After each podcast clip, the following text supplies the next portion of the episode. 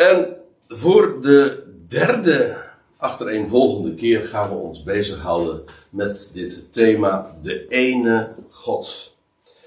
En de eerste keer hebben we daarvan al vastgesteld dat er geen fundamenteler onderwerp in de hele Bijbel te vinden is dan dit woord, dan dit begrip, dan deze leerstelling. Dat wat Israël elke dag op de lippen neemt. Hoor Israël, de Heer onze, onze God is één. En hij is uniek, enig. En misschien is het goed om eventjes nog terug te blikken op, op wat we tot dusver daarover hebben gezien. De eerste keer ging over, ja, dat was een, eh, het platform, zeg maar, over wat we deze avonden met elkaar gaan bespreken. En het had dan ook als titel de ene God, één God, de Vader. En die term, die vinden we nog wel eens een keertje terug in de schrift. En wat we gezien hebben is dat dit maar niet een, een, een onderwerp is dat te maken heeft met een nummer maar dat het zo fundamenteel is dat of er is één God, of er is geen God. Want God kan alleen maar God zijn, de Almachtige, de Alwetende, degene die alles beschikt, als er ook maar één is. Zodra het er meer zouden zijn, dan is die God geen God meer, namelijk uh, in de absolute zin. Slechts één God is absoluut God. We hebben ook gezien hoe het begrip mono wij dan zo noemen, maar eigenlijk komt dat begrip rechtstreeks ook uit het Grieks, hoe dat ook in de Bijbel uh, al meer dan eens een grote rol speelt. Eén God, de Vader, dat is de, het refrein in de schrift. En ja, daar zijn hele expliciete uitspraken over. Uh, er worden al tientallen keren wordt er gesproken over God de Vader. En feitelijk zet dat ook de toon. Als je weet, er is één God, namelijk de Vader, dan weet je dus ook dat de termen waar wij uh, zeg maar in traditioneel vanuit de christenheid mee van doen hebben, namelijk uh, die van de drie-eenheid of van God de Zoon, niet kan kloppen. Want als er één God de Vader is, dan kan God er dus geen sprake zijn van God de Zoon. Dan moet, als, als daar sprake is van de Zoon, dan moet dat de Zoon van God zijn. En dat is precies ook wat we vinden. De tweede keer, dat was dus uh, een maand terug, toen hebben we ons wederom met, dit onderwerp, met de ene God bezig gehouden, maar meer uh, met het woord dat vlees werd. En toen hebben we vooral ingezoomd op Johannes 1. En dat begint met die woorden, de beroemde woorden in den beginnen was het woord, eh, of was de logos, staat er dan in het Grieks, de, de uitdrukking van God. En alle dingen zijn door het woord geworden. Niet, sorry, niet alle dingen zijn door de zoon geworden, nee, alle dingen zijn door het woord geworden. God sprak en het was er, hij gebood en het stond er. En God is de onzienlijke. Niemand heeft ooit God gezien. En vandaar ook dat uh, hij zo genoemd wordt, de onzienlijke. En weliswaar, en dat is een van de dingen waar we de, vorige keer ook mee hebben bezighouden, dat is dat God uh, weliswaar uh, op allerlei wijzen ook in het Oude Testament verscheen, maar dan is dat altijd indirect. Hij verscheen via engelen, boodschappers, de engel des Heren. En dat, daar zullen we trouwens later eh, vanavond ook nog via een andere aanvliegroute ook nog over hebben. Maar het, dat, dat woord, en dat is waar het in Johannes 1 dan over gaat, dat woord waar alle dingen door ontstaan zijn, dat woord kwam later, duizenden jaren later, tot Maria. En uh, haar werd gezegd dat zonder tussenkomst van een man, uh, dat zij zwanger zou worden. En daarom uh, dat, dat wat uit haar voort zou komen, de zoon Gods genoemd zou worden. Het woord werd vlees. En ja, een van de dingen, en dat was misschien, dat is misschien het lastigste uh, onderdeel van uh, dat verhaal waar we het over hebben. Kijk, het hele idee van één God, de Vader, ja, dat is uh, zo simpel. Een, een, klein kind kan het begrijpen. het enige ingewikkelde, wat heet, is dat er ook in de Bijbel dikwijls sprake is van beeldspraak en bijvoorbeeld ook de, dat er sprake is van, zoals dat heet, de pre-existentie van het voortbestaan van van uh, de zoon. Zoals Johannes zegt van, zijn, van de Heer Jezus, Johannes de Doper, zegt van de Heer Jezus, hij was eer dan ik. Ja, hoe dan? Nou, dat stond precies in het voorgaande van Johannes 1, namelijk als het woord. En het lastige daarvan is dat wij daar uh, dat zo uh, wel kunnen benoemen. Alleen in, dan zeggen we altijd van ja, dat is tussen, de, tussen aanhalingstekens. Bij wijze van spreken. Bestond de zoon voor zijn geboorte? Ja, in de letterlijke zin als zoon niet, maar als het woord wel. Alleen dat is wat abstract natuurlijk. En je krijgt hetzelfde idee, ik heb het geloof ik ook nog genoemd. Je leest van Levi in, uh, in Hebreeën 7 dat hij uh, al neerboog ooit voor Melchizedek, terwijl het nog generaties zou duren voordat Melchizedek geboren zou worden. Nee, zeg, zeg Melchizedek? Ik bedoel, voordat Levi geboren zou worden. Dat Levi al neerboog voor Melchizedek. En dan staat er van, hij, hij was, bij wijze van spreken, in de lendenen van zijn vader Abraham. En dus, ja, zo zeg je dat. Zoals trouwens de hele mensheid in zekere zin ook pre-existent is. Wij waren al in Adam. Ja, waar, waar, waar, waar was je voor je geboorte? Nou, in je vader. Of in je voorvader. Of in de stamvader.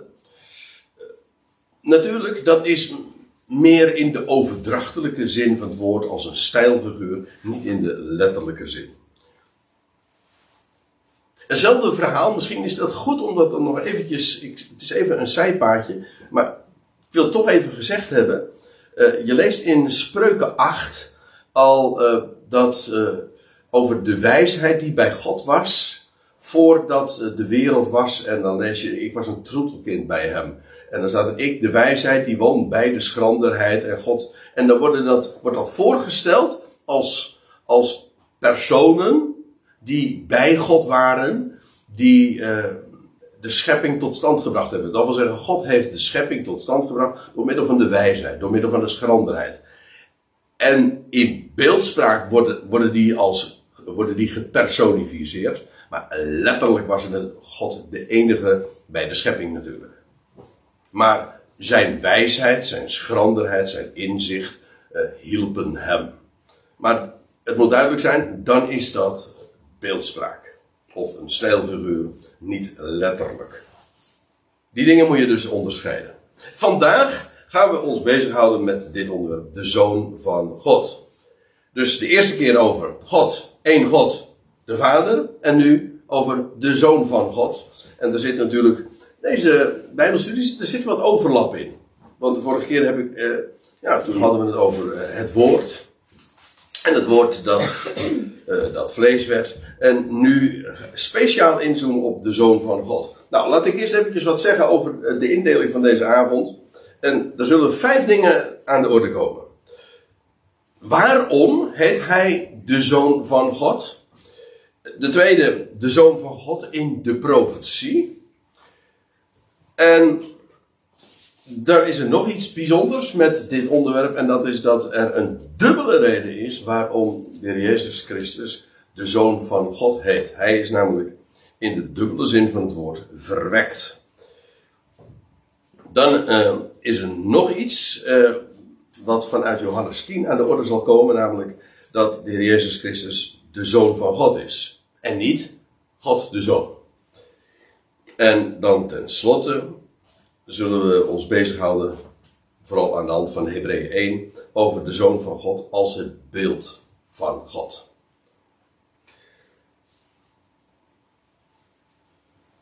Goed. Nou, Laten we meteen maar eens uh, de koe bij de horens vatten en, het, uh, en het, de eerste vraag ons stellen. Waarom uh, heet de Messias, onze Heer Jezus Christus, de Zoon van God?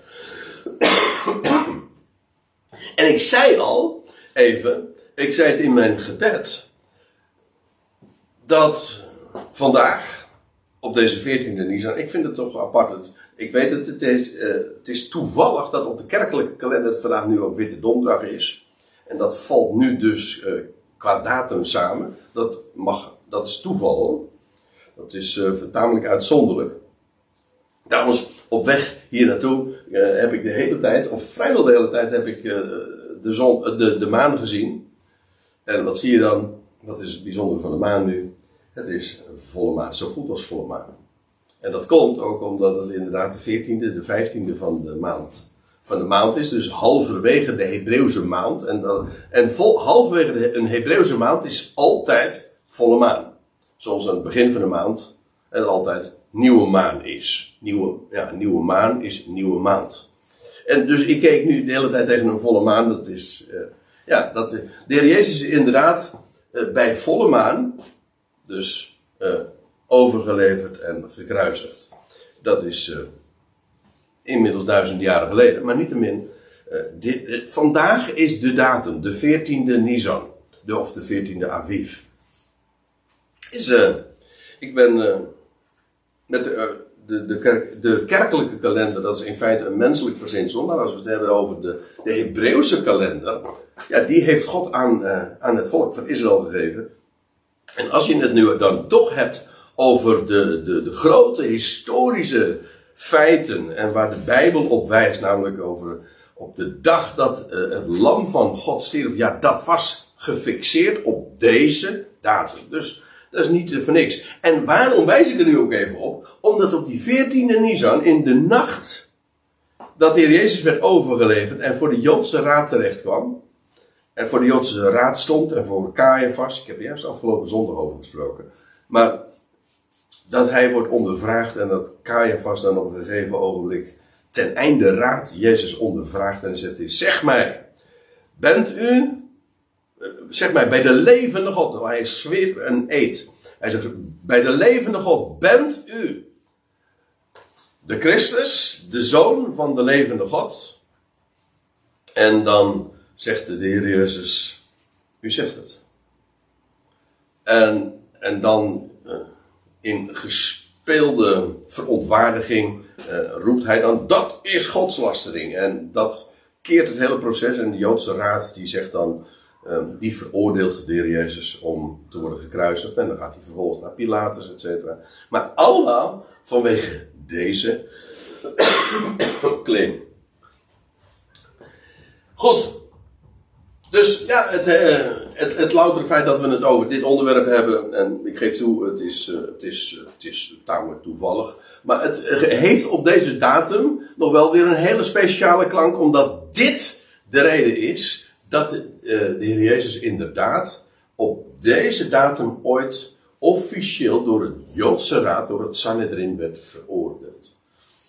Oké, we gaan nu eventjes terug naar Lucas 1, want als er één tekst is. Waar dus expliciet wordt gezegd waarom Jezus de Zoon van God is, dan is het wel deze. En hij is al een keertje even uh, gepasseerd, maar goed, in verband met dit onderwerp moet dit nog een keertje eventjes goed in de, in de highlights gezet worden.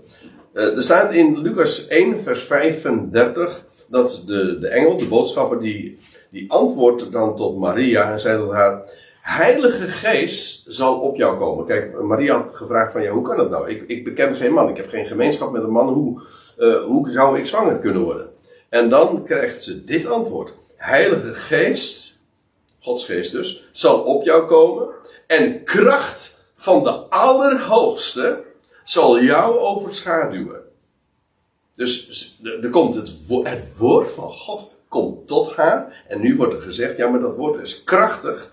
Het is de kracht van de Allerhoogste die jou zal overschaduwen. En daarom zal het heilige dat daaruit dus verwekt wordt, zoon van God worden genoemd. Dit is volstrekt uniek. Uiteraard. Van alle miljarden mensen die sinds Adam ter wereld zijn gekomen, is er één die op deze wijze, zonder tussenkomst van een man, uh, verwekt is. En daarom zal het heilige dat verwekt wordt, zoon van God worden genoemd. Ja, waarom? Om, kijk, in feite, ik hoef dit niet eens te verklaren. Dit is de verklaring.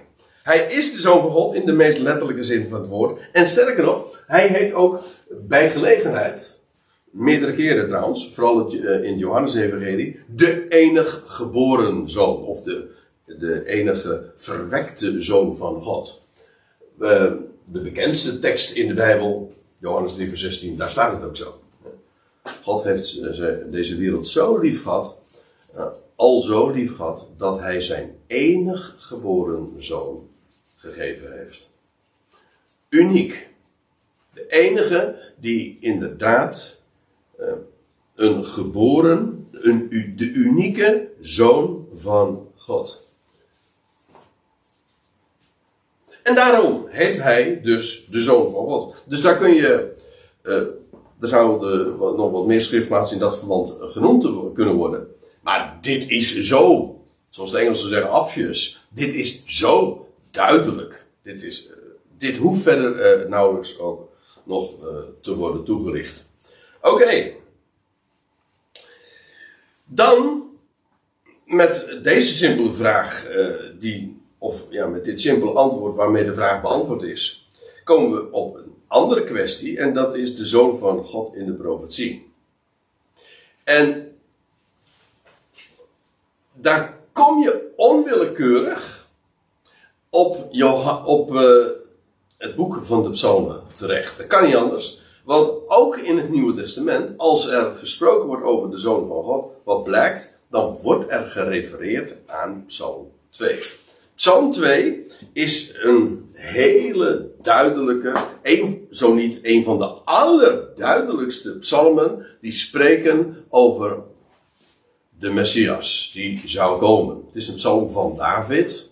Ja, en daar wordt in voorzegd wie de Christus zou zijn. U weet het, hè? Dat is, psalm 2 is die psalm die begint met waarom woelen de volkeren en, ijdel, en zinnen de natieën op ijdelheid. En, en het gaat daar in feite over een, een eindstrijd die nog steeds moet plaatsvinden. Maar uh, dat aan het einde van, zeg maar, van deze aion, dat de volkeren uh, optrekken naar Jeruzalem. En dan zullen ze ter strijde trekken tegen Yahweh. En daar staat erbij, tegen Yahweh en zijn gezalfde. Of in het Hebreeuws staat er dan, tegen Yahweh en zijn Christus. Nee, dat is, dat is het Grieks. Uh, tegen zijn Mashiach of tegen zijn Messias. Maar uh, ja, in het Nederlands zeg je gezalfde, in het Hebreeuws zeg je Mashiach, in het Grieks zeg je Christus. Maar het is allemaal hetzelfde. Het betekent iemand die gezalfd is. Die psalm. En, en de identiteit van die psalm, uh, van, van, van, de, van die Christus, die wordt daar ook heel duidelijk door David belicht. Profetisch. Dan wordt er gezegd, hij zal koning, uh, ik, want een, die in de hemel zetelt, die lacht, staat er dan in dat, diezelfde psalm. En dan zegt uh, Jaweh, ik toch heb mijn koning gezalfd en gesteld te Sion. Met andere woorden, dan kan de hele wereld op zijn kop staan. Maar als ik bepaal dat mijn Messias zal zitten daar in Jeruzalem en vanuit die stad zal regeren, dan gebeurt dat. En de Verenigde Naties eh, die het er eh, niet mee eens zijn, nou ja, die, eh, die kunnen hoog springen en laag springen. God gaat zijn weg en, en die trekt zijn, zijn plan. En ja, daarover gaat het dus in Psalm 2. Nou, uh, we moeten naar vers 7 toe. En daar staat dan dit. Ik verhaal, en hier wordt de Messias sprekend ingevoerd. Dan zie je ook dat, dat dit dus echt een Messiaanse psalm is. Dat wil zeggen, David heeft dit opgetekend. Maar hier, uh, wordt de, hier, hier is de Messias zelf aan het woord. En dan, eh, die zegt dan, ik verhaal van het besluit van Yahweh. Of zoals de MBG-vertaling zegt, ik wil gewagen van het besluit des Heren. Dat wil zeggen, ik wil ervan spreken. En ik wil het melden. En Yahweh heeft dus een besluit genomen. Hij, Yahweh, sprak tot mij. Oftewel dus tegen de Christus of tegen de Messias. En wat zei hij dan? Mijn zoon bent u. Dat was wat Yahweh tegen de, tegen de, de Christus zegt. Je bent mijn zoon. Overigens, deze woorden worden ook in het Nieuwe Testament klinken bij meerdere gelegenheden. Eigenlijk, ik denk dan in de, in de eerste plaats aan ooit bij de doop in de Jordaan. De hemel zich opende en dat Johannes trouwens zelf daaraan ook getuige van is. Dat, dat uh, de hemel zich opende en dat, dat er een stem uit de hemel kwam. Deze is mijn zoon. In wie ik al mijn welbehagen heb. En later op de berg, op de, bij de verheerlijking op de berg, dan klinken dezelfde woorden weer. Deze is mijn zoon. Zodat in feite, als die stem uit de hemel klinkt, dat is een goddelijke bevestiging van wat ooit, pakweg duizend jaar daarvoor, al door David was voorzegd. Mijn zoon bent u. en nou komt hij, of er komt nu nog iets bijzonders. En dat tegen die, die Messias gezegd wordt, mijn zoon bent u. En dan, vandaag of heden heb ik u verwekt. En hier zou je, als je dit goed leest en aandachtig leest en er dus eventjes bij stilstaat, zou je dan toch eh, de vraag moeten stellen, hoe moet ik dat dan uh, opvatten? Wordt dit gezegd uh, tegen een, een embryo, tegen een bevruchte eicel? ik heb je heden verwekt. Dus de zoon wordt aangesproken. En, uh, en, en, en, en er wordt gesproken over een, de verwekking van die zoon. En wanneer vond dat plaats? Heden. En, en oké, het is duidelijk, dit wordt gezegd tegen de Messias. Maar gaat dit over de verwekking uit Maria? Of zou het toch nog wat anders zijn? En de vraagstelling is suggestief, dat geef ik toe. Maar dat is niet uh, zonder reden. Tegendeel, het is opzettelijk, want wat zegt de schrift namelijk? Deze, dit heden heb ik u verwekt, slaat namelijk niet op het feit dat de Heer Jezus verwekt is uit Maria. Dat is een reden waarom hij de zoon van de Allerhoogste genoemd wordt. Absoluut. Sterker nog, het is de allereerste reden. Maar daar gaat het hier niet over. Nou, en dat brengt me bij het derde punt. Namelijk dat de zoon van God, in de dubbele zin van het woord, de zoon van God heet en uh, door God is verwekt. Ik zal het laten zien aan de hand van handelingen 13. Ga maar eens met me mee. U hoort het. Zo af en toe moet er gehoest worden.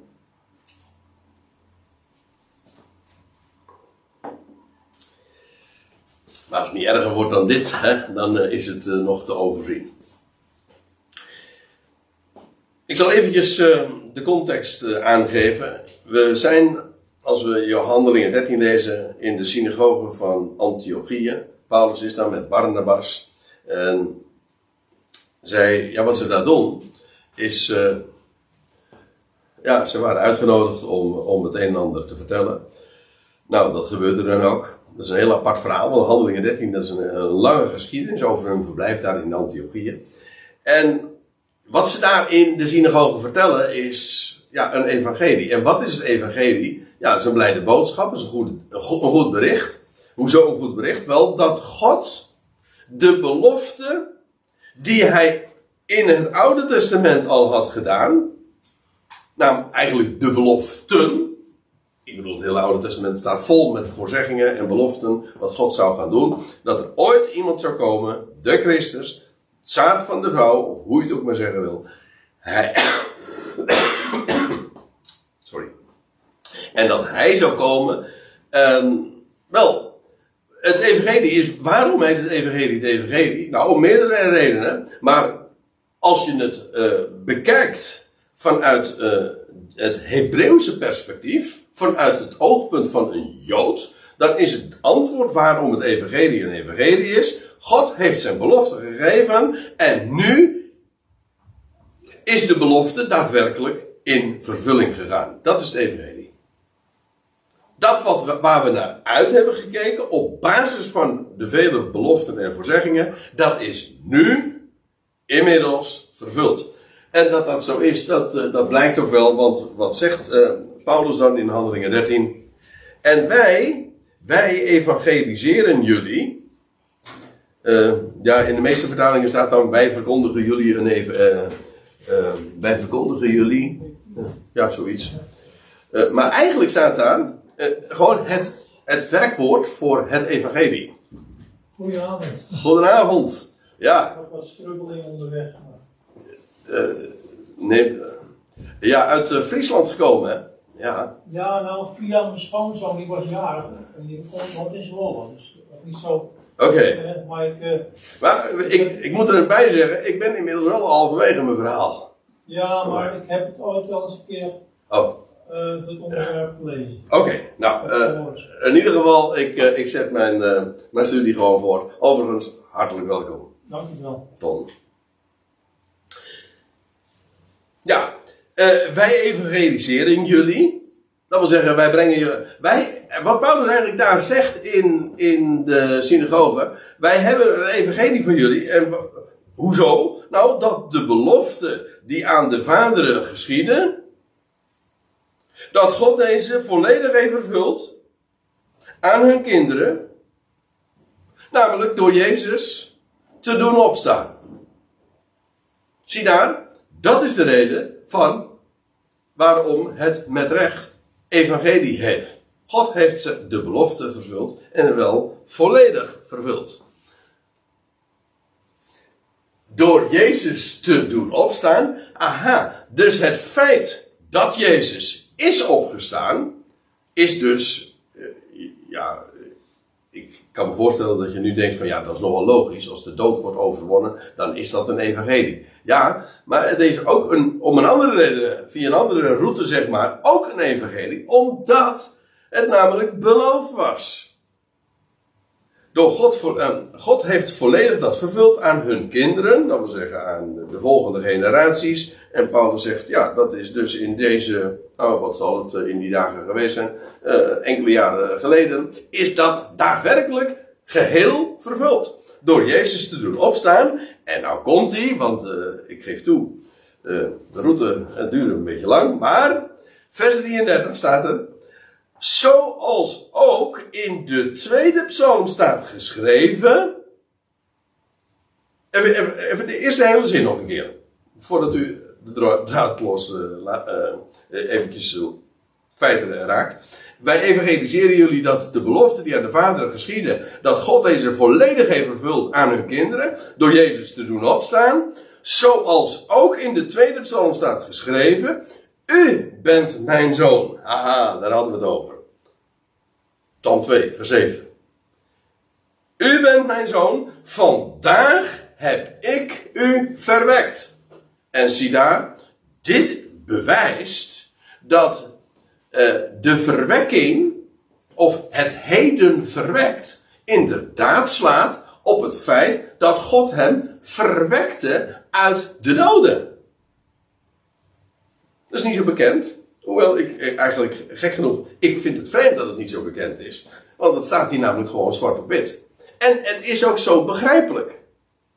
Natuurlijk, de Heer Jezus werd verwekt uit Maria door, de, door God zelf. De, de kracht van de aller- aller- Allerhoogste overschaduwde haar. Dat is waar. Maar als er staat van mijn zoon ben je, of mijn zoon bent u, ik heb u heden verwekt, dan slaat dat niet daarop. De zoon werd niet aangesproken in zijn, uh, om het feit dat hij verwekt was toen hij nog in de moederschoot van Maria was. Nee, toen hij uit, om zo te zeggen, uit de schoot van de aarde werd tevoorschijn geroepen doordat God hem op de derde dag deed opstaan. En zo verwekte God hem uit de doden. Dus uh, wat blijkt is dat de Heer Jezus Christus dus de Zoon van God is. Om een dubbele reden.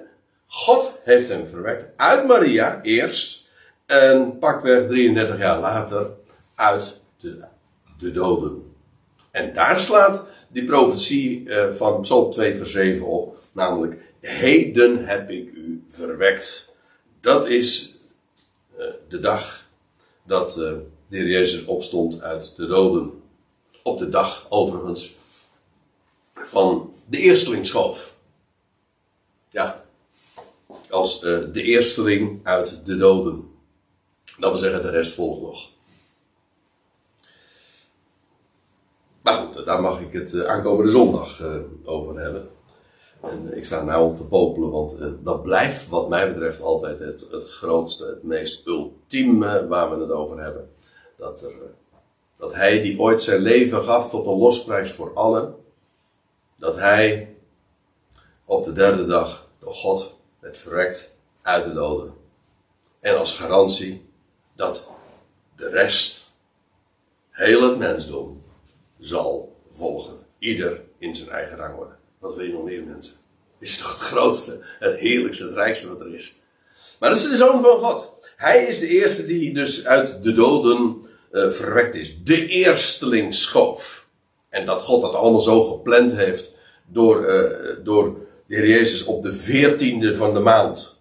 Op de dag dat het paascha geslacht werd. Dat de zoon van God toen moest sterven en als een lam ter slachting werd geleid.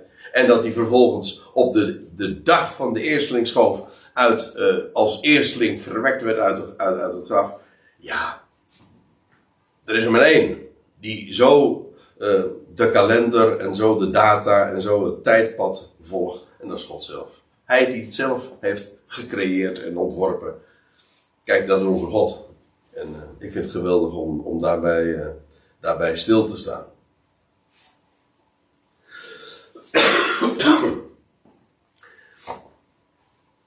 Ja, dit is dus vervuld op de dag van de opstanding. Dat moet uh, duidelijk zijn. Oké, dan nog iets. Een vierde punt, wat uh, ik had aangekondigd, namelijk de Zoon van God versus God de Zoon. En wat ik daarmee bedoel is dit. En nou gaan we naar Johannes 10 toe. Overigens, uh, er is geen evangelie beschrijving dat, waarin zo uitgebreid gesproken wordt en waar ook zo vaak de term de zoon gebruikt wordt als juist in het Johannesevangelie. En dat zie je dan ook in Johannes 10. En ik zal eventjes ook daar even het, het kader weergeven. De heer Jezus, uh, dat lees je in de, in de versen die daaraan vooraf gaan. Uh, het was het feest van de tempelwijding het Chanukka-feest.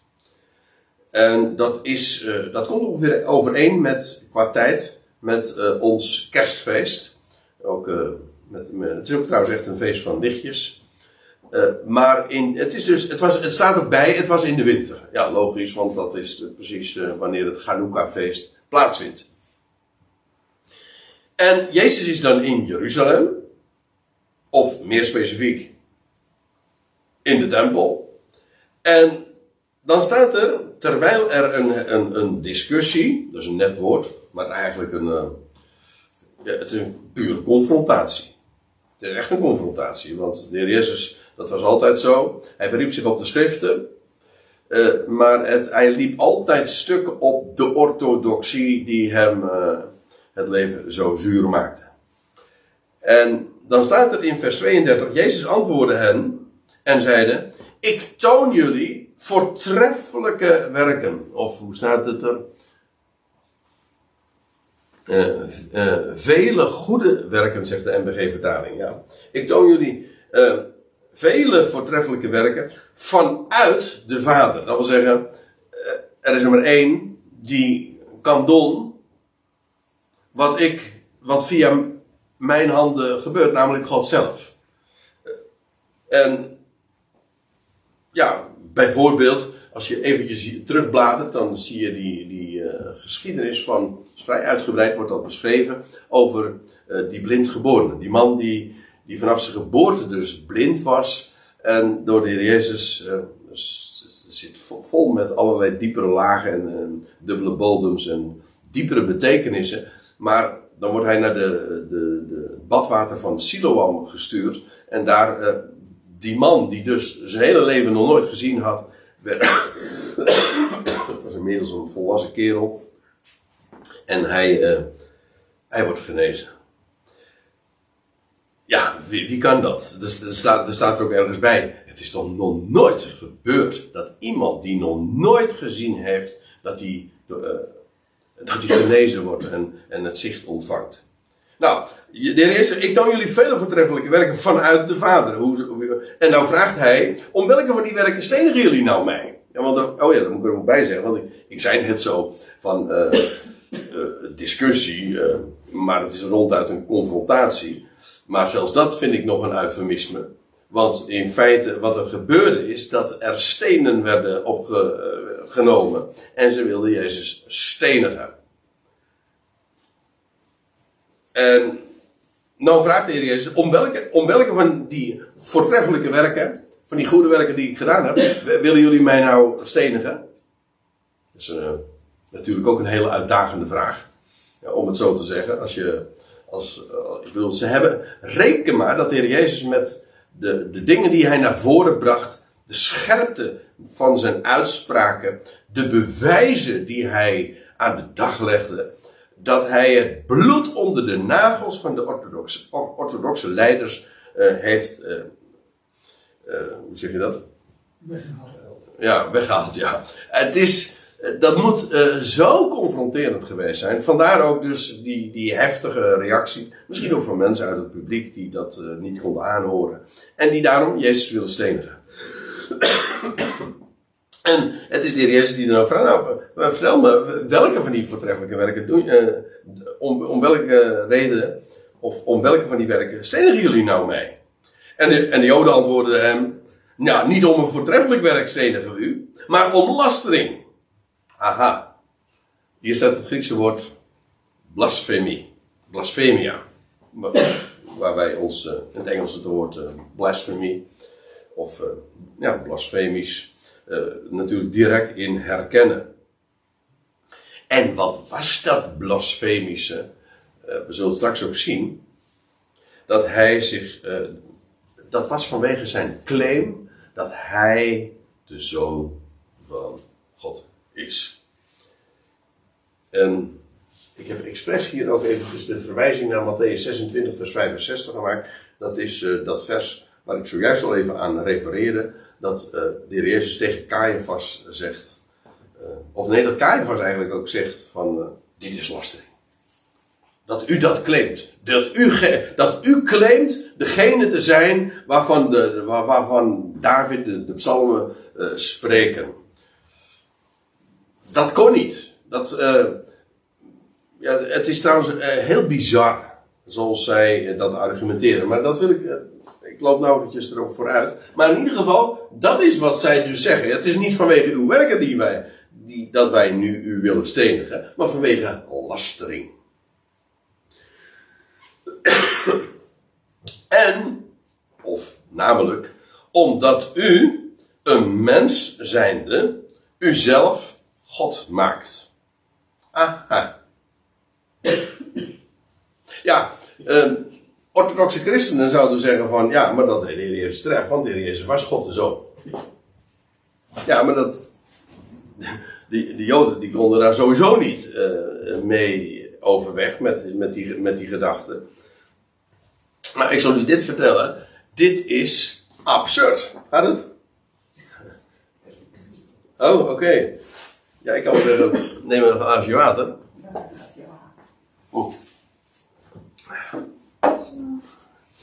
Oh. ben niet de enige, geloof ik, die uh, last heeft van de keel. Oké, ehm, ik, ga, ik ga even verder. Dit is, als je erover doordenkt, absurd. Waarom? Wel, als de Jezus inderdaad claimt de zoon van God te zijn, dat deed, dat deed hij. Maakt hij zichzelf daarmee gelijk aan, of maakt hij zichzelf daarmee God? Dat is toch bizar? Hoezo? Als hij de zoon van God is, dan maakt hij zichzelf toch niet God zelf? Ja, tenzij je uitgaat van het idee, hij is niet de zoon van God, maar hij is God de zoon. Maar dat kent de schrift niet. Kijk, tientallen keren is er sprake van dus God de Vader. Tientallen keren, volgens mij nog vaker, maar goed. Oké. Tientallen keren is er ook sprake van de Zoon van God. Maar dat betekent, de Zoon van God betekent, als er maar één God is, namelijk de Vader, en hij heeft een zoon, dan is dat de Zoon van God. En dus niet God zelf. Dus uh, het hele idee uh, dat hij, omdat hij claimde de zoon van God te zijn, dat hij daarom zichzelf God zou maken, is absurd. Dat, dat slaat nergens op. Dat is toch iets heel anders. En nou gaan we zien hoe de heer Jezus hierop reageert. En dan moeten we even heel goed uh, dit zien. Want kijk, hier vind je dus heel uitdrukkelijk de beschuldiging van de Joodse zijde dat de Heer Jezus zichzelf God zou maken, terwijl hij een mens was. Dat is wat hier staat. Daarom. Nu is de vraag, hoe heeft de Heer Jezus hierop gereageerd? Heeft hij gezegd, ja inderdaad, ik ben God, ik ben, ik ben God zelf? Of heeft hij er anders op gereageerd? Laten we het eens lezen. Jezus antwoordde hen: Is het niet geschreven in jullie wet? En ik kan u verklappen, hij gaat nu een citaat geven uit Psalm 82, vers 8. Zeker 6? Uh, eh, oh ja, ja. Eh, Psalm 82, vers 6, ja. Daar citeert, daar citeert de Heer Jezus uit. Hij zegt: Is het niet geschreven in jullie wet? Gewoon, eh, de, het begrip wet kan soms eh, een aanduiding zijn van heel het Oude Testament. Dit is in dit geval uit de psalmen ook. Is het niet geschreven in jullie wet? Ik zei jullie, jullie zijn goden. Dat wil zeggen, God, God spreekt daar. Je, leest daar, God is in de vergadering der goden. Dat is een uh, heel apart onderwerp trouwens. Maar, maar oké. De Allerhoogste, die spreekt daar dat gezelschap van de richters der aarde, want dat is waar het over gaat. Uh, hij zegt, jullie zijn goden.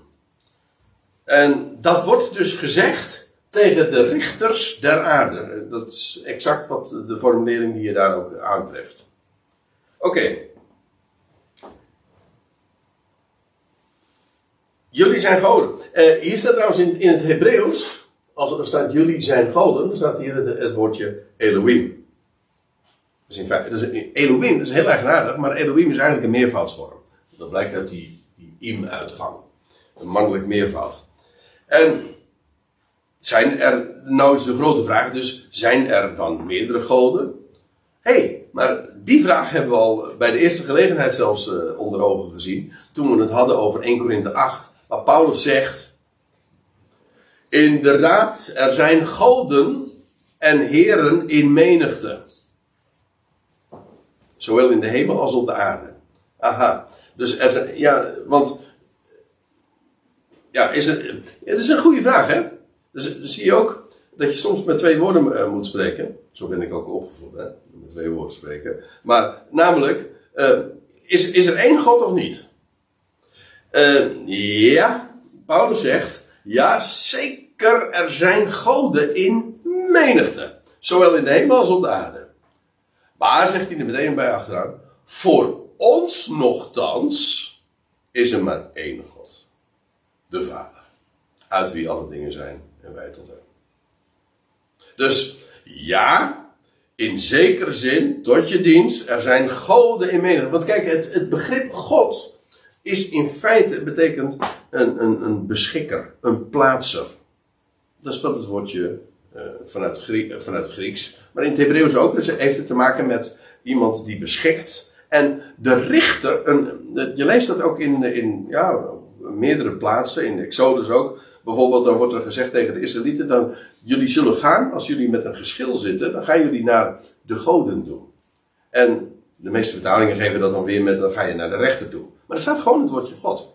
En waarom? Omdat een rechter iemand is die de dingen neerzet en beschikt. Natuurlijk relatief, want hij is zelf ook maar een mens en een, en, en een schepsel. Maar niettemin, hij staat in de positie van uh, iemand die besluiten neemt en beschikt en, en oordeelt en dingen uh, rechtzet. Dus in de relatieve zin zijn ze inderdaad goden. Dus de richters der aarde, de grote machthebbers der aarde, die de dingen beschikken en oordelen en besluiten. Ja, zij zijn goden. In de relatieve zin van het woord. Ook al is het waar dat Paulus zegt, voor ons nogthans is er maar één God, de Vader. Oké, maar ik ga weer even terug naar wat de Heer Jezus zegt dus. Is het niet geschreven in jullie wet? Ik zei, God zegt, jullie zijn goden. En nou, nou volgt de, de conclusie die de Heer Jezus zelf trekt. Indien Hij, God, hen goden noemde, tot wie het woord van God kwam.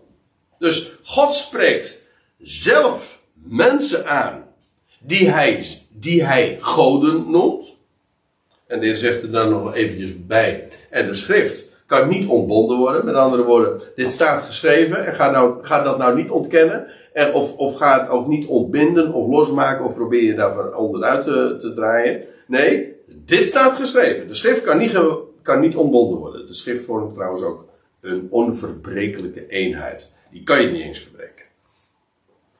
Nou, indien hij hen goden noemde, tot wie het woord van God kwam, de schrift kan niet gebroken worden, zeggen jullie dan tegen hem die de Vader heilig, apart en afvaardigd zendt in de wereld, u lastert omdat ik zei dat ik de zoon van God ben. Voel je de, de logica? De Heer Jezus zegt van, jullie noemen, zeggen dat ik God laster, omdat ik de zoon van God ben. Terwijl God zelf, notabene mensen, aanspreekt als goden. Hoe kunnen jullie dan zeggen dat ik God laster als ik zeg dat ik de zoon van God ben? Met andere woorden, die conclusie die de, de Joden, de orthodoxe leiders, trokken van u maakt u zelf God, is bizar en absurd. En uh, blijkt trouwens ook wel, want ze hebben er niks meer op te zeggen. Het is gewoon dit argument is echt ronduit vernietigend. Het is bizar. Later, ze zijn natuurlijk, eh, weliswaar hoorden ze dit, maar dit bleef maar rondzingen en uiteindelijk een enkele maanden later, want dit was dus ergens in december.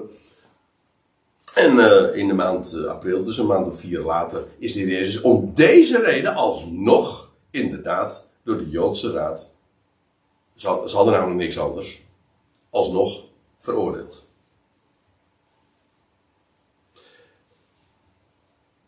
Op oneigenlijke gronden. Afgezien van het feit dat, kijk, als, als de Joden nou inderdaad geloven dat de Messias komt, en ze weten, een van de kenmerken van de Messias is dat hij ook de zoon van God is. En dan komt hij, en hij zegt, ik ben de zoon van God. Wat, wat is er dan lastelijk aan om, om zo'n claim neer te leggen? En dan zeggen ze van ja, u maakt u zelf God. Dat is bizar, dat is absurd en dat slaat ook helemaal, het slaat helemaal nergens op, want dat deed hij namelijk helemaal niet. Hij wist heel duidelijk, en de Heer Jezus heeft altijd uh, zijn God en Vader de credits gegeven. U bent de enige, de enige waarachtige God. En ik ben Jezus Christus die, die u gezonden hebt, ja. Maar dat zijn de verhoudingen. En uh, de, dat waren de, de priesters en de, de over, uh, de, de overste van het volk, nu hier de Heer Jezus van beschuldigen, is dus absoluut vals. En de Heer Jezus, die uh, ja, weerlegt het ook overduidelijk. Goed, nou, dan hebben we nog één punt te gaan. En dat is de Zoon van God als Gods beeld. En daarvoor gaan we naar Hebreeën 1. Maar ik stel voor. We hebben nog één punt te gaan. En dat is uh, de Zoon van God als Gods icoon, als Gods beeld. En waar zou ik dan naartoe gaan? Je zou uh, zeggen van nou, dat zal wel naar Colossense 1 gaan, waar staat van. En hij, de, gaat het over de Zoon van Gods liefde. Hij is het beeld van de onzienlijke God. Ja. Maar daar gaan we niet naartoe. Uh, daar staat het he heel duidelijk. Maar er is nog een passage. Uh, die in dit verband zo ontzettend helder en duidelijk is. En dat is in de Hebreeënbrief. En ga maar eens met mij mee. Meteen in de aanhef. Dat is heel apart. Maar de Hebreeënbrief. Eigenlijk is het niet echt eens een brief. Want het heeft geen aanhef of zo. Het begint meteen met, zijn, met, ja, met de deur in huis te vallen. En de tekst luidt dan, Hebreeën 1, vers 1. In vele delen,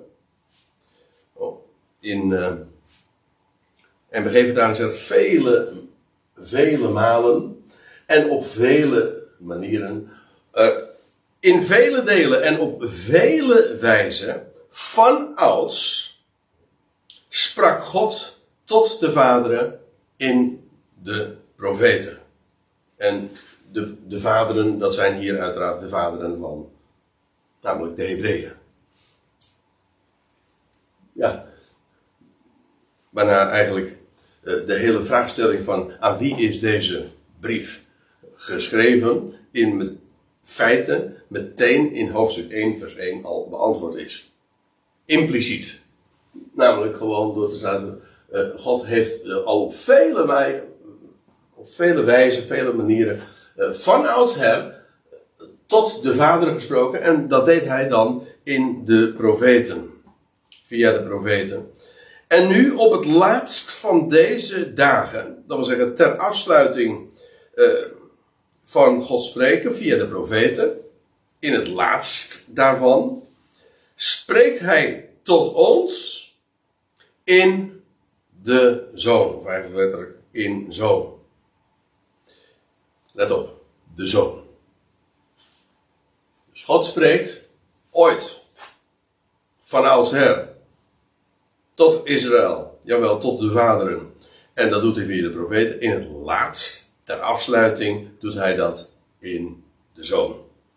Die hij, en nou volgt er een, een opsomming van een zevental heerlijkheden. Echt geweldige glorie. In feite in de Hebreeënbrief wordt per direct, gewoon meteen bij aanvang, wordt de geweldige heerlijkheid van de Zoon van God geëtaleerd en beschreven.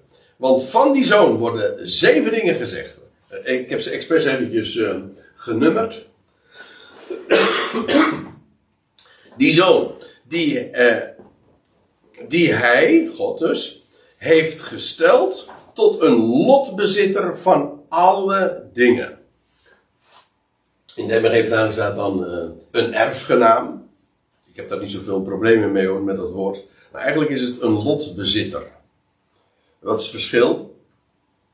Nou, een lotbezitter is iemand die iets bezit omdat het hem ten deel valt. In zekere zin is dat een erfenis ook hoor. Een erfenis valt je namelijk ook ten deel. Maar het begrip lotbezitter is veel breder.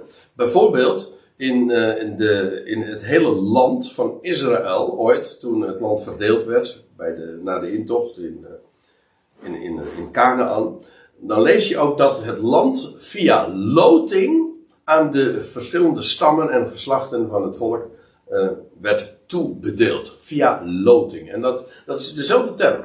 Dus dan gaat het niet over, over erfenis, maar over een, een, een ja, een, een lotbezit en alle termen die daarmee uh, gerelateerd zijn. Dus ja, je moet even wennen aan het woordje lotbezitter, maar het idee is Hij bezit het doordat het hem ten deel is gevallen. En wel, uh, hij, God heeft hem gesteld tot een lotbezitter van wat? Wel, van alle dingen. Van alles. En daarmee, is trouwens in de Bijbel uh, sowieso al, uh, want wie een zoon is, is ook een erfgenaam. Paulus zegt in Galaten 4, bent u zonen, dan bent u ook een erfgenaam.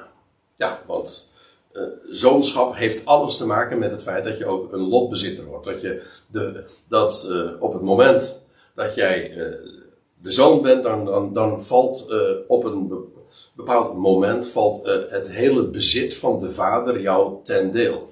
En vandaar ook dat, het, dat hij de zoon is en dat alle dingen hem ten deel vallen, want alles van God krijgt hij. En God heeft hem daar al op voorhand toegesteld. Om dus een lotbezitter van alle dingen te zijn. Heel de schepping is eigenlijk een cadeau, als ik het zo mag zeggen, voor de zoon. Dat krijgt de zoon. En de tweede heerlijkheid die van hem genoemd wordt, door wie hij ook de ionen maakt. Nou, we hadden het in de pauze even over hoe vertalingen soms je op een, uh, op een uh, dwaalspoor kunnen zetten. Op het verkeerde been. Nou, dan is dit wel een aardig voorbeeld ervan. Want er staat in de MBG-vertaling. Door wie hij ook de wereld. staat gewoon Ionen. Meervoud van Ion. Door wie hij ook de wereld geschapen heeft. Van een aorist. Een tijdloos feit heeft men een, eh, daar heeft men sowieso een voltooide, eh, voltooide vorm van gemaakt. En bovendien geschapen heeft. Maar er wordt niet over geschapen gesproken, over het werkwoord scheppen. Maar over, hij maakt, God maakt door hem, de zoon, de ionen. Niet, God heeft niet door hem de ionen gemaakt. Dat is niet wat er staat. Hij, hij maakt door hem ook de ionen. En dan gaat het de ionen. Wel, dat zijn vooral die toekomende ionen. Waarin de Christus, de zoon, zal heersen. En die hij daarom ook. Ja, die toekomende ionen, die gaat hij vormgeven. En beheersen. hij zal heersen tot in de ionen. Die ik bedoel, nu tot, tot op de dag van vandaag, dit is een boze ion. Maar wat er aan het einde van deze ion gaat gebeuren, is dat de zoon de macht in handen gaat krijgen. En van dan, vanaf dan gaat hij regeren. Dus de Ion, God gaat de Ionen vormgeven. Ja, via de zoon. Maar hij gaat ze via de zoon maken, vormen, beschikken, beheersen. Dat is de tweede heerlijkheid. Hij is, alle dingen zijn voor hem weggelegd. Uh, hij is de lotbezitter door wie hij, God, ook de Ionen maakt. De derde heerlijkheid, die een afstraling is van de heerlijkheid. Namelijk Gods heerlijkheid. De heerlijkheid, de Shechina of de... Ja, het is trouwens wel heel apart hoor, want uh, in feite, wat je, de gedachte is ook hier weer, dat God is de onzienlijke. En wat van hem gezien wordt, dat is de lichtbron zelf is niet te zien. En zoals we de zon ook niet zien. Wat we zien is de uitstraling, de afstraling van de zon. Het licht dat ze geeft. Maar de zon zelf is niet te zien. En dat geldt in ieder geval van God ook. Hij is de onzienlijke. En wat we van hem zien. De heerlijkheid van God is niet te zien, maar wel de afstraling daarvan.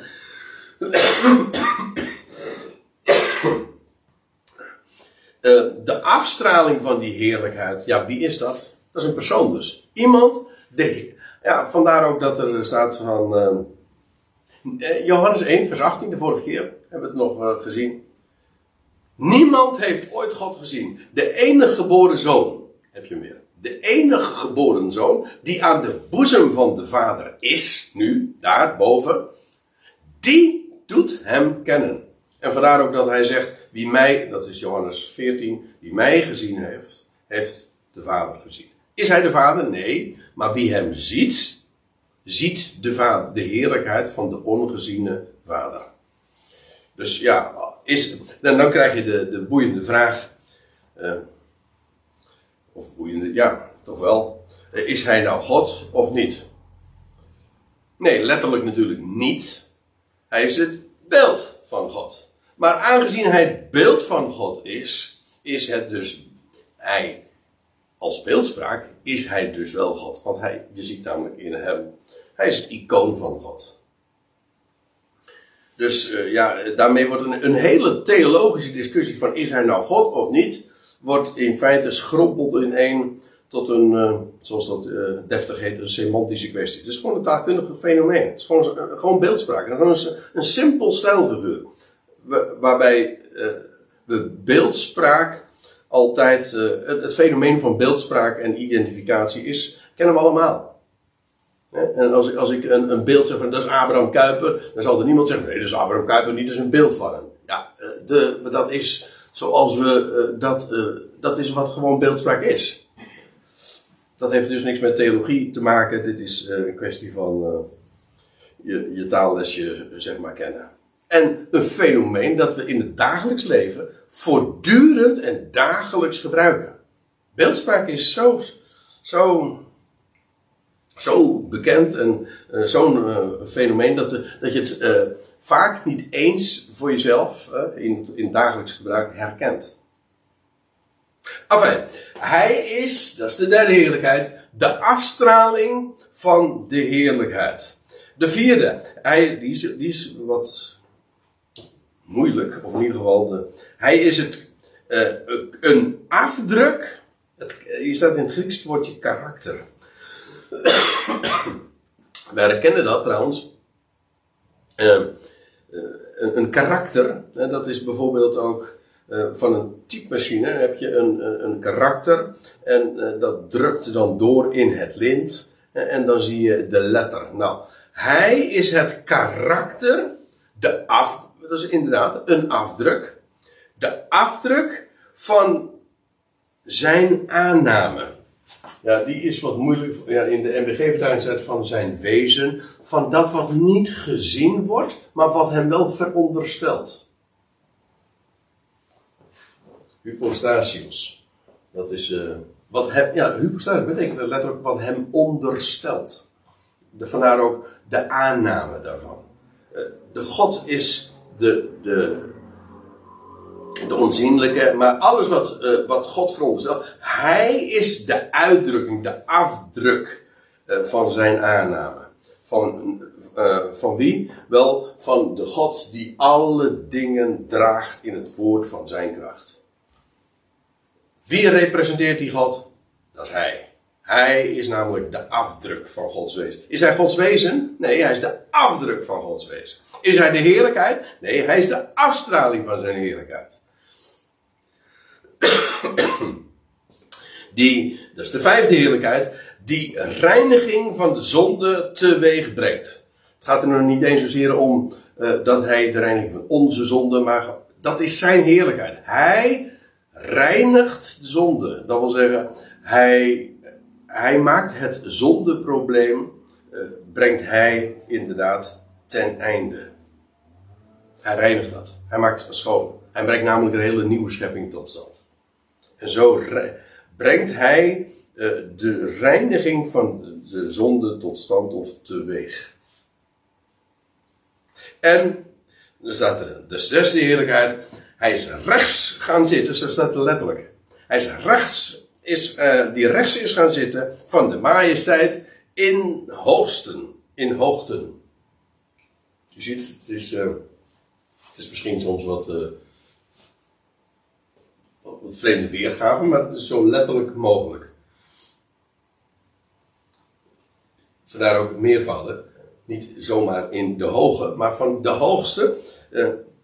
de majesteit in de hoge plaatsen. Wel, waar is hij nu? Wel, hij is ontrokken aan het oog, maar hij, is hij bevindt zich daar rechts. En dat betekent in de Bijbel gewoon, trouwens bij ons ook, in een positie van voorrang. Ja. Rechts is de plaats van de eerste plaats die wordt toegekend. En daar is hij rechts gaan zitten. En dat is trouwens ook de vervulling van uh, wat ook in de psalm, ook in de psalm van David staat. Hè, dat tegen de Messias wordt gezegd. Zet u aan mijn rechterhand. Totdat ik uw vijanden gesteld zal hebben tot een voetbank voor uw voeten. En waar is hij nu dan? Wel, aan de rechterhand gods. Verhoogd. Wat trouwens aangeeft dat aangezien hij nu verhoogd is, betekent dus dat hij daarvoor vernederd was, hier op aarde. Maar hij is aan de rechterhand gods gezeten en hij bevindt zich nu op die allerhoogste plaats. De majesteit in hoogte en is daar gaan zitten. En dat zitten geeft ook aan dat, dat hij in rust is. Het werk is gedaan. En hij wacht ook. Totdat zijn vijanden gesteld worden tot een voetbank voor zijn voeten. En in deze tussentijd leven wij nu. Eigenlijk gaat de hele brief daarover dat hij nu gezeten is aan de rechterhand Gods. Daar in het hemels heiligdom bevindt hij zich. En vandaar ook ontrokken aan het oog. Dus ja, er valt niks te zien. Maar wij weten het. Hij is rechts gaan zitten van de majesteit in de hoogte. En dan zeven. Zoveel beter worden dan de engelen. Dit is de zevende. Dit is de zevende heerlijkheid. En waarom noem ik hem dit? Uh, noem ik dit en waarom noem ik en verwijs ik naar Hebreeën 1? Wel, dat is om deze reden. Deze zevende heerlijkheid. Want hij is zoveel beter uh, geworden, of letterlijk, en we geven duidelijk staat van zoveel machtiger geworden. Letterlijk staat er het woordje beter, dat wil zeggen meer, overtreffend, zoveel beter worden dan de engelen. U moet zich realiseren, God verscheen, daar hadden we het al vaker over, in het Oude Testament, via boodschappers. Maar deze zoon, van wie we nu een heel zestal heerlijkheden hebben gezien, wel, deze zoon is overtreft alle uh, heerlijkheid van welke engel dan ook. En er zijn machtige engelen. En, en, en er zijn ook, uh, denk aan de engel des Heren. En met wat voor glorie zij ook verschenen. En ook verblindend. Allemaal waar. Maar hij is zoveel beter worden, geworden dan de engelen. Hoezo? Nou, dan staat het bij. Als hij een uitnemender naam dan hen als lotbezit heeft ontvangen. Hoezo is hij overtreffend boven alle engelen? Het antwoord is, wel, hij is zoveel beter omdat hij een zoveel uitnemender naam heeft ontvangen. Dan hen. Als, het, het is hem ook ten deel gevallen. En, en wat is die eerlijkheid? Wat is die uitnemende naam van hem? In feite hebben we het al gelezen. Namelijk dat God ten, ten laatste ook gesproken heeft in de zoon. Maar eh, hier eh, wordt de, de cirkel weer rondgemaakt. Want wat lezen we dan vervolgens in vers 5? Want tot wie van de engelen heeft zij hij ooit? U bent mijn zoon. Ik heb u vandaag verwekt. En hier hebben we hem weer. Zie je hoe vaak die tekst in de psalmen, hoe vaak die weer terugkomt in het Nieuwe Testament. Soms uh, wordt er alleen aan gerefereerd, doordat er uh, vaag uh, dezelfde woorden in de mond genomen worden. En, en, en, maar bij allerlei gelegenheden worden ook heel direct het, wordt het citaat gegeven, zoals hier ook. Want wie tot wie van de engelen zei hij ooit: Mijn, u bent mijn zoon, ik heb u vandaag verwekt. Ja, waar staat dat? Ja, in Psalm 2, vers 7. Dat hadden we al gezien. Maar ziet u trouwens ook dat als hier staat. Hij is zoveel beter geworden dan de engelen. Als hij een uitnemender naam uh, dan hen als lotbezit heeft ontvangen. Hij is de zoon van God. En geen van de engelen heeft, is ooit tot, niemand van de engelen is ooit gezegd, u bent mijn zoon, al in het enkelvoud. Dat een engel werd aangesproken, u bent mijn zoon. En ook niet, uh, ik heb u heden verwekt. Waaruit trouwens ook blijkt dat, uh, uh, dat de engelen die, die in het Oude Testament verschenen, als representatie van God. Bijvoorbeeld ook de engel des Heren. Dat kan dus. Ik, ik ken de uitleg, ik heb hem zelf ook ooit gegeven. Maar bij nader inzien heb ik hem toch weer moeten laten varen. Ik dacht namelijk dat de engelen in het Oude Testament, als, als God uh, via zo'n engel verscheen, dat was eigenlijk al een, de zoon van God. Kan niet. Want de zoon van God is geen engel. Hij is veel meer dan engel. Trouwens, hij werd ook pas de zoon doordat hij van, ja, door God verwekt is. Dus uh, hij is zoveel meer. En die uitnemende naam die hem ten deel is gevallen, wel, dat is die van het zoonschap. U bent mijn zoon, ik heb u vandaag verwekt.